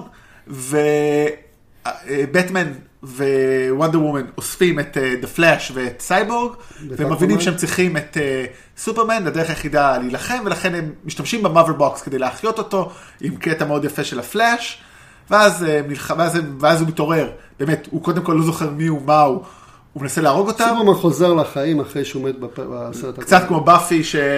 אבל הוא לא יודע מי הוא ומה הוא וזה, והוא לא יודע מי הוא ומה הוא וזה, ומה שהיה אמור להיות, היו הדלפות של סופרמן בבגד אה, שחור, הוא, אה, הוא היה אמור להיות נבל לפחות לעוד איזה כמה דקות טובות בסרט, שפתאום כל ליגת הצדק צריכה להילחם בו עד שהוא כאילו חוזר לעצמו. ופה פתרו את זה בצורה מאוד פשוטה, שהביאו את לואיס ליין, הוא ראה את האהבה שלו והפסיק. שזה דרך אגב עובד, בניגוד, כן, כן, זה, זה לא, זה מאוד יפה, זה דרך אגב אותו אה, קטע רגשי עם מרתה, זה גרסה אחרת שלו, והיא עבדה. זה מאוד הגיוני, שכנע אותי, דווקא זה מאוד אהבתי. ואז הם הולכים ונלחמים בסטפן וולף ונגמר, ובאמת, אני, סטפן וולף, סטפן וולף הוא הנבל הכי, אה, איך קוראים לזה? אה, חד ממדים. חד ממדי שיכול להיות, הוא כאילו, כן. כמו, הוא כמו, אחד- הוא כמו, אה, סטפן וולף הוא לא דמות, הוא סמל. הוא סמל, הוא לגמרי סמל, זאת אומרת, אני אוהב את זה. אנחנו נגיד לא דיברנו אתה על, אוהב אה, את זה? רגע.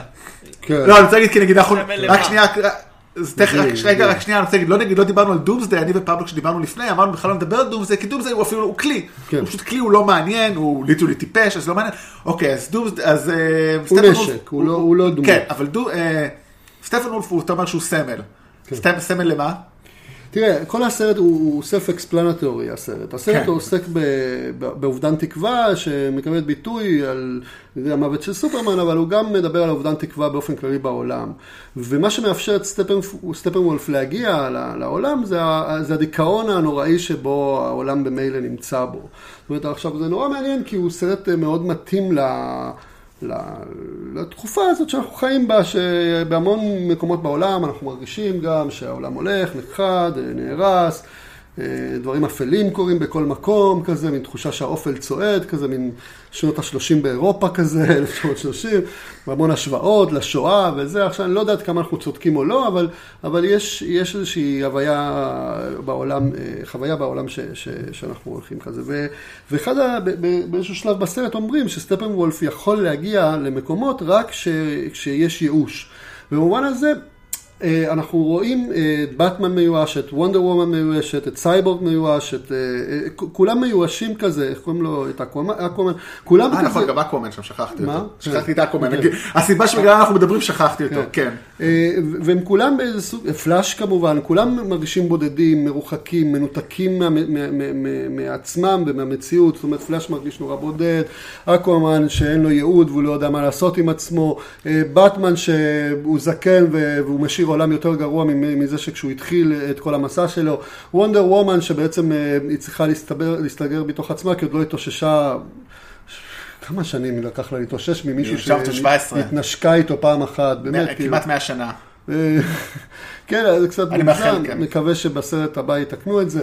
אה, אבל, אה, ו- ואני חושב שכאילו הניצחון על סטפן וולף זה לא הניצחון על סטפן וולף, אלא זה ניצחון על, ה, על להתגבר על, ה, על הייאוש של עצמם, כאילו זה להת- להתגבר על הדיכאון הקיומי ש, שכל אחד חי אותו, ולהתחיל, וכל הזמן מדברים על האופן שבו הם בתור גיבורים צריכים להתעשת ולתת יותר תקווה ולגרום לעולם להאמין שאפשר לעשות אחרת. ו, ואני חושב שכאילו זה סרט ש, שבמובן הזה סטפן וולף הוא לא, הוא גם כלי, הוא כלי של דארקסייד. דארקסייד, אבל הוא גם, אה, אה, הוא, הוא בעיקר סמל של הייאוש, של הייאוש של האנושות באופן כללי ושל ייאוש במובן המופשט ביותר.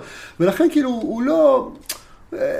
זה כל מה שהוא צריך לעשות, להביא ייאוש, להביא ייאוש ולהביא ייאוש, והגיבורים סוג של נלחמים בעצמם. ליגת הצדק נלחמת בעצמה. כל, ה, כל הסיפור זה לאופן שבו הם, הם יתאחדו ויתחילו להאמין בעצמם ואחד בשני, ולכן כאילו הסוף כל כך אופטימי ונעים כזה, כשכולם מתאחדים ביחד ויוצרים את החבורה, אה, יש איזושהי הקלה, יש איזושהי איזו שמחה כזה של כן, בוא נמות ביחד, או בוא נילחם ביחד, או איזה כיף להיות ביחד. ו... ואני חושב שיש אה, אה, איזשהו אה, ניסיון גם לבוא ולשדר כזה, איזה סוג של תקווה, ל, ל, מדברים על הברית, על כל מיני אזורים שונים באוכלוסייה, yes we can, כאילו לחזור לאחורה ל- ל- לאובמה, ו- ולבוא ולהגיד, תראו, אפשר להתגבר על הייאוש, תפסיקו להיות מיואשים כאלה. אה, ולכן, זאת אומרת, הנבל נמצא שם כסמל כדי לאפשר לגיבורים להתאחד ביניהם ולהילחם באופל שבתוך עצמם, אה, ופחות בשביל, ה... בשביל להתגבר עליו, כן? כאילו, אין, אין לו איזושהי תוכנית אה, מאוד גדולה או מתוחכמת, אין לו איזושהי הובלה שגורם לגיבורים ל- להתמודד עם, עם שאלות קשות מולו, את מי להציל, בוא נגיד אחת השאלות של לקס לותור בסרט של סופרמן מ-1978 שם מול סופרמן זה את מי תציל, את ליין או את האנושות? כן, את האהובה שלך או את האנושות, ואז כאילו גם פתרון מעפן, הוא מציל את האנושות, ואז הוא חוזר אחורה בזמן, ומציל גם את, את לואיס ליין, טוב, כן? אני חושב שפה הבעיה, אבל- דרך אגב, היא פחות הנבל. אבל, אבל יש שם נבל ש, ששם אותך מול החלטות שהן מאוד מאוד קשות, כמו, אה, אתה יודע, אבל כל זהו, אבל הנבלים הגדולים בהיסטוריה. חבל שאתה לא... כמו שהג'וקר, כמו שהג'וקר עושה, לבטמן בסרט השני, כן? אה, כן. מה אברי? אני אומר חבל שפבלו לא עשה את הסרט הזה, כי זה, התיאור שלו הרבה יותר מעניין מהסרט.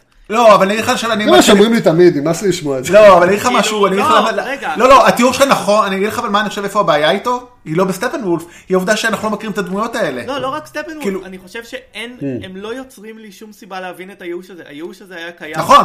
ב, ב, הוא, היה- קיים ב, באיש, ה- באיש הפלדה, הייאוש הזה היה קיים בבטמן וסופרמן. כן.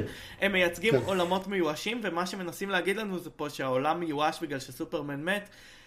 לא משכנע זה- בגלל זה- בגלל שסופרמן אני לא מסכים איתך. תקווה, ה- ה- אני והעולם מסכים הזה איתך. היה מייאש מהיום ש- שהם התחילו את זה, הוא יצר עולם קודר ומייאש, ו, והדבר היחידי שגרם להם להצליח להתגבר על ה... כאילו על הייאוש, זה זה שאנשים אמרו להם שהעולמות האלה מייאשים מדי, ואז הם עשו רטקון ואמרו, אה, בוא, נ- בוא נחזיר איזה תקווה שלא הייתה קיימת בשום שלב בעולם הזה. לא, אני חושב שכאילו מה שהיה, באמת, אתה צודק לגמרי, אני חושב באמת זה א', זה זה, באמת, זה כאילו מחקו את מה שעשו בשני הסרטים הקודמים, כדי להביא בסרט השלישי, כדי כן. להתאים את. זה מה שאני לא אוהב, כאילו, ב... כן, בלוגיקה הזאת, שהם- שהם פספסו, הם ניסו למחוק את מה שעשו, כי כאילו נכשל. ולא רק זה, אני אומר גם, הגיבורים האלה כאילו, אוקיי, ניחא, אני יודע מה, דרך אגב, אם היה לי פה לפני איזה חמישה סרטים שהייתי מכיר את אה, אקומן טוב, את אה, סייבורג טוב, את פלאש טוב, ואת בטמן הזה טוב, אז הייתי לפחות מבין את הדמויות האלה שמיואשות, אבל פה כאילו זה היה ארבע דמויות שאני בקושי מכיר, ועוד ו- ודמות אחת ש... ו... ודמות אחת שפתאום הקימו לתחייה, זאת אומרת, זה באמת, זה הפאשלה הגדולה שלהם בזה שהם ניסו לקצר דרך, כי תגיד מה שתגיד על הסרטים כן. של מארוול, זאת אומרת שהם אה, לפעמים לא, לא מעמיקים וזה, אבל אם תגיד לי עכשיו שהמלחמת האינסוף הוא לא סרט מעמיק חכם ושעשה בנה לנקודה הזאת, אז יהיה לנו פה דיון הרבה יותר ארוך. לא, ברור, אחד אז- היתרונות של, של מארוול, שהם הצליחו לבנות את זה צעד צעד, כן. וכשאתה רואה את, אה, איירון מן מתווכח אם הוא רוצה לעשות ילדים או לא, אה, זה מבוסס על, על שלושה סרטים של קשר עם פפר פוטס, שאתה כאילו מקבל את זה, כשאתה רואה את דוקטור סטרנג' אה, אומר משהו, זה מבוסס לפחות על הסרט האחד שלו. בדיוק, אז פה... הם, בנו, הם כי ניסו- הם בנו משהו, ו, והסרטים של DC לא בונים כלום, הם עושים רצף של דימויים. אני חושב שהם הם, הם, הם, עשו טעות. הם היו. צריכים לבנות את זה בשקט ולא כאילו, לא להיכנס לפאניקה מזה שמרוויל מק- מקדימים אותם, כי, כי מה לעשות, הם התחילו חמש שנים לפניהם. חמש שנים עשו הרבה יותר סרטים בקצב, כאילו בקצב כן. גם, כאילו גם, כן. מילא זה, זה חמש שנים ו... לא, כי כן, דיסי נמרחו שנים על כל סרט. אבל מה שמעניין טוב, תראו, אנחנו באמת, אנחנו לא יודעים איך אקומן עדיין, אה, כשזה יעלה אולי אנחנו כבר נדע, ובאמת הביקורות שלו שונות ונראה שעשו שונה. על וונדר וומן לא נדבר, אה, אני בסך הכל דרך אגב מאוד- מאוד אהבתי את וונדר וומן, חוץ מהנבל שהוא כן. הוא בעייתי בצורה מטורפת. כן. אה, אגב, יש באמת בעיית נבלים, אני אהיה בכנות, זאת אומרת, אני יכול לבוא ולהגיד סטפן וולף הוא סמל, אה, איך קוראים לו, זוד הוא, כוח אה, ישיר, ואיך קוראים לזה, מין... כן, דוך כזה, כן. כן, ואיך קוראים לו, לקס לוטור הוא סוג של כאוס שכל מה שרוצה לעשות זה לבלבל את, ה, את סופרמן ובטמן ולגרום להם להילחם אחד בשני, אבל בסופו של דבר זה, זה לא מספיק טוב, בתור נבלים הם, הם לא מספיק, הם לא מספיק מעניינים, הם לא מספיק מרתחים. אה, זוד במובן מסוים יש לו צדדים כן טובים, אבל ככלל הוא, הוא לא מספיק טוב, ובטח סטפן וולף, ש, שלא מפריע לי, אבל, אבל הוא בהחלט לא מוסיף. אה, בוא נגיד, אני תמיד חושב... לא, לא, אבל כשאני אני- חושב על נבלים, הנבלים הטובים בהיסטוריה, אז כן, הג'וקר, כן, של באטמן, אבל אני חושב גם על אה, ברונו מ... אה, נו? מזרים ברכבת, כן? של אחד מה... מהדימויים שכשאתה מדבר על נבל שאתה מרותק ממנו, או כל נבל ששיחק לאורסון ווילס, כן, באדם השלישי וזה. ואתה אומר, כאילו, איפה, איפה האנשים האלה שהם גם חושבים בצורה מעוותת, למרות שהלוגיקה שלהם יש בה היגיון, וגם משכנעים אותך עם, ה, עם השארם שלהם, וגם גורמים לגיבור להתחרפן. כאילו, אבל תראה שבסרטים האלה, שהנבל כל כך טוב, הגיבור על הפנים. הגיבור על הפנים, כאילו, אין מה לעשות, אה, גיא, השחקן הטניס בזרים ברכבת, הוא שעמום תחת. ובבטמן, בטמן סלורי, הוא שעמום תחת. מאוד. ואיזה עוד נבל הזכרתי? אה, אוסון ווילס, כן, ג'ו- ג'וסף קוטן באדם השלישי, אה, הוא תמים ושמום. עכשיו, אני לא יודע אם אפשר לעשות משהו שהוא כזה, גם נבל מתוחכם וגם גיבור, אולי אפשר. עשו את זה מרוויל עשו את זה כי פשוט עשו 18, 19, סרט- 18 סרטים עד שהם הגיעו, 17 לא משנה, עד שהם הגיעו לעשות את הסרט על הנבל המושלם, ואז אוקיי, אתה מכיר את כל הדמויות שם אז אתה יכול לעבוד את זה כן. עובד מצוין, אבל בסדר. זה זה זה היומרנות וזה הגאוניות שלהם, בגלל זה אברי ואני התחלנו מהם וסיימנו שם בזה, כי אין לעשות. דרך אגב, אני חשבתי על זה השבוע, אבל יש משבר, אני חושב שיש משבר נבלים, ב, למשל נבל אנחנו הלו, בארץ. אנחנו עושים על זה פודקאסט כבר חצי שנה, עלינו על זה קודם, כן. אה, פבלו. אבל אני חושב שאחד הנבלים היפים, אני, וגם בעייתי בטח בזה, אבל בספיידרמן, ה Homecoming, כאילו, מאוד אהבתי את הנבל. אני דרך אגב, משהו שחשבתי עליו השבוע ובהקשר של נבלים וזה, שבסדרות טלוויזיה יש לנו הרבה יותר נבלים גיבורים, זאת אומרת טוני סופרנו ו... איך קוראים לו? וולטר ווייט. וולטר אה, ווייט, כאילו, הם נבלים, איך- מי מתחיל ומי מסתיים, אבל... ורק בטלוויזיה, כי אתה צריך הרבה יותר זמן כדי לפתח נבל, אני חושב, כי אתה צריך להיות יותר מעניין. אבל זה... עוד נגיע לזה גם- בוודאי לא יש עכשיו. גם נשמע נבלים טוב. יותר מעניינים בטלוויזיה כנבלים, אם אתה חושב על נבלים של באפי למשל, שיש לך עונה לפתח אותם, אז אה, כן. הם הרבה יותר מעניינים. זה גם, כי נבל וגם צריך... חלק יכולים לחזור אחר כך כגיבורים, כמו ספייק נכון. וכאלה. כי, כן. נב, כי, נב, כי נבל, לא סתם יש לנו את הפודקאסט הזה, זה דמות הרבה יותר, היא, היא הרי, אתה בזה, אני חושב, לא סתם אמרתי את זה אפילו בפרק הראשון, כביכול הוא האנטגוניסט, אבל למעשה הוא המוביל, זאת אומרת, עד, כאילו, כביכול בפירוש הלשוני זה המתנגד, אבל למעשה הוא זה שמוביל את העלילה, וככל שהוא יותר מעניין, הסרט יותר מעניין, אבל בשביל זה אנחנו פה, אבל מה, באמת, מה שיוצא- אגב, באיירון הראשון, אני לא ממש זוכר, אבל אני, בזיכרון שלי, הוא מעניין והנבל פחות. אבל ממש לא מעניין, אה, ודאי. אבל אני רוצה לבדך, אבל באמת, ככה אם נסכם את עניין סופרמן, אמרת פה משהו ש... זאת אומרת, גרמת לי לחשוב שסטפלמוף הוא סמל, סמל לפעמים זה יכול לעבוד, הבעיה פה, כמו שאמרתי שבמהלך הזה, שבגלל שהדמויות אנחנו לא מכירים אותם, אז הוא סמל ריק. זאת אומרת, הוא סמל, סמל זה סמל ריק, אבל גם הם, לא- גם הם סמלים. גם- מה, גם הם סמלים, כי הם לא דמויות עדיין, אי אפשר, אתה לא יכול לפתח... תראה, אתה לא יכול עדיין בכל זאת להתעלם מכך שזה לא, אה, לא יודע, משקף עופרמן, כוסמן וכיסמן. או, וכורסת וומן, לא יודע, זה, זה, אתה יודע, זה, זה, זה אנשים שגם אם אתה לא ראית אותם בסרטים, כי אין להם סרטים ראשונים בזה, הם עדיין דמויות, הם עדיין אנשים שאתה, לא שאתה לא מכיר, אתה... אבל אתה צריך יותר מזה. לא, לא, אה, אני ו- מרגיש שאני לא חושב מכיר אותם בגלל שהם יוצרים אותם, הם יוצרים אותם בצורה שהיא נוגדת את הייצוגים הקודמים שלהם, אז אני צריך להכיר את הגרסה הזאת, אחרת אני לא יודע... כן, אבל, אבל תראה, הם עושים את זה בצורה מאוד חסכנית, ועדיין אני כן רוצה להתנגד למה שאתה אמרת, כאילו אני חושב שאקוואמן מוצג בצורה מאוד טובה עם, עם, עם, ה, עם הייאוש שלו וחוסר השייכות שלו ולאיזה עולם הוא שייך וכו'. באטמן מוצג בצורה מופלאה עם הפצעים שלו והכאב שלו והפחד שלו מסופרמן והפחד שלו בכלל מהכל, כאילו העולם שלו מתמוטט וזה נראה נפלא. אה, סייבורג מוצ... מוקדש בשבילו דווקא יותר זמן עלילתי ופחות עומק, כי כל... אבל עדיין יש פה בן אדם שהפך ל... לסייבורג, ו... והוא לא יודע אם הוא... מה, השל... מה, מה החלק המכונה שלו ומה חלק האדם שלו, ו...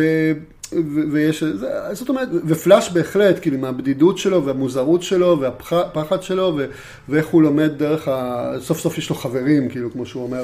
ואני חושב שכאילו, בקטנה הם עדיין דמויות מאוד יפות. אני לא חושב שהיה פה איזשהו... דו, דווקא, דווקא אני לא חושב שהן ריקות.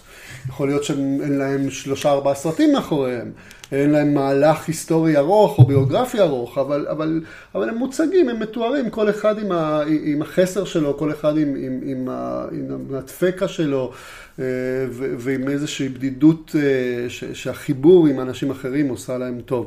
וונדר וומן דווקא היא הכי שלמה שם, והיא צריכה רק שבטמן ינער אותה קצת ויגיד לה... תצאי מהארון, אבל אה, זה קצת הפריע לי, כי, כי, כי, כי לא משנה, אבל כן, היא, היא כמובן עדיין גלגלות מדהימה וזה לא משנה, כי כל, כל, כל, כל רגע שהיא מופיעה היא, היא באמת אה, מביאה את הכריזמה שלה, אבל כדמות היה, חסר לה קצת יותר, אה, אה, אה, בשר. כן, כן. אה. אבל, אבל, אבל, אבל עדיין הייאוש שלה דווקא שם כן מסומן במובן הזה של חוסר היכולת שלה אה, לצאת החוצה בתור גיבורה ו- ולעשות את מה שהיא הכי טובה ולעשות את זה. שזה גם איזושהי אמירה פמיניסטית, כאילו, כן, לגמרי. אה, יאללה, את אישה, אבל את יכולה, כאילו גם, ת- תצאי החוצה, אל, כן, בסדר. טוב, אה, נראה לי... אז, אז שוב, אז הוא סמל, לדעתי הוא לא סמל ריק. הוא, הוא, הוא ריק בתוך עצמו, אבל לא בגלל, לא בגלל הגיבורים, אלא אה, בגלל שחוץ מלהיות סמל הוא לא יודע לעשות שום דבר אחר. כן. טוב, אברי, לך יש משהו להוסיף על זה? אה, לא, אני חושב שעמדתי כבר ברורה. כן, לגמרי. טוב, אה, פבלו, תודה רבה לך. תודה לכם. אנחנו כרגיל חברים בפייסבוק, נבלים זה אנחנו. אה, מזכירים לכם שיש לנו פודקאסט חדש, סרטים זה אנחנו, חפשו אותנו גם בפייסבוק, אימיילים ל- villainsareus@gmail.com וב Apple iTunes תדרגו אותנו.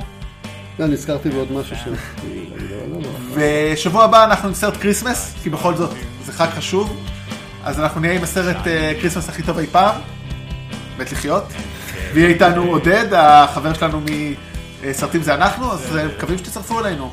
אז עד פעם הבאה, אני רותם. פבלו. אל תהיו סמל אפלים- לייאוש שלי. אל תהיו אפלים מדי. להתראות.